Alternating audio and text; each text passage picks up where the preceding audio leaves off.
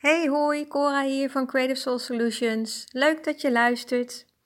De afgelopen week deelde ik vier timesaver tips waarmee je meer tijd kunt overhouden om te besteden aan werk wat je leuk vindt. Ik heb uh, tips behandeld over het beantwoorden van mail, uh, het gebruik maken van slimme systemen, het werken van een communicatieconcept en gebruik maken van templatebestanden. En vandaag dus de laatste tip. En die gaat weer over heel iets anders. Namelijk over tijd maken met tijd. En dat klinkt natuurlijk een beetje vreemd, tijd maken met tijd. Maar ik leg het je uit. Want als jij werkt en je hebt het gevoel dat het water je aan de lippen staat en je helemaal geen tijd meer over hebt, of in ieder geval het gevoel hebt van ik heb echt tijd en ook dringend tijd tekort ja, dan is het uh, goed om eens even heel kritisch te gaan kijken. En het klinkt misschien een beetje raar, maar als jij leeft met zo'n gevoel op dit moment, dan is het juist belangrijk dat je jezelf eens wat meer vrijheid gunt.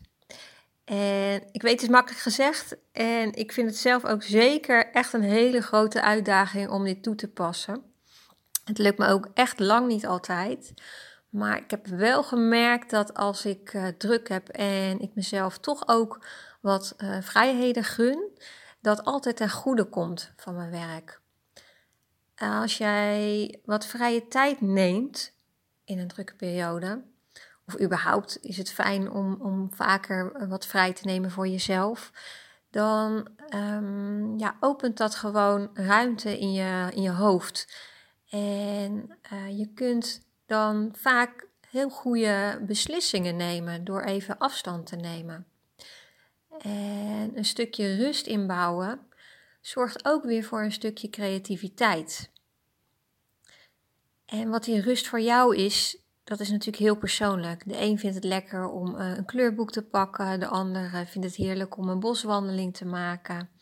Uh, lekker op de bank zitten met een kop koffie of even een tijdschrift uh, te lezen. Het zijn allemaal gewoon van die, van die kleine momenten die uh, heel veel voor je kunnen betekenen. Dus als jij het echt te druk hebt, probeer dan toch of het je lukt om een moment vrij te nemen. Het, het zal je echt goed doen. En ook om, om fysiek gewoon je lijf ook wat rust te gunnen. Um, daar zijn op dit moment hele leuke onderzoeken over en boeken uh, over te lezen.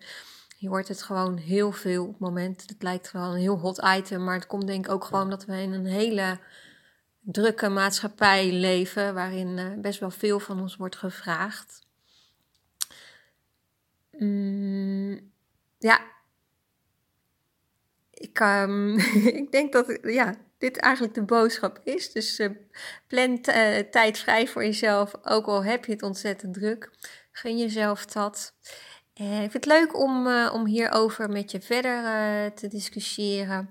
Ook natuurlijk over de eerdere tips die ik deze week gaf. Heb je die nog niet geluisterd? Ehm, nou, ik hoop dat je daar toch nog tijd voor vrij kunt maken in alle drukte. Um, want uh, ja, er zitten ongetwijfeld vast nog wel weer wat dingen bij die jou uh, weer verder kunnen helpen um, in het ontlasten van je, van je planning. Nou, ik wil je bedanken voor het luisteren. En ik hoop dat je met deze tips van mij aan de slag kunt. En tot de volgende podcast. Doeg!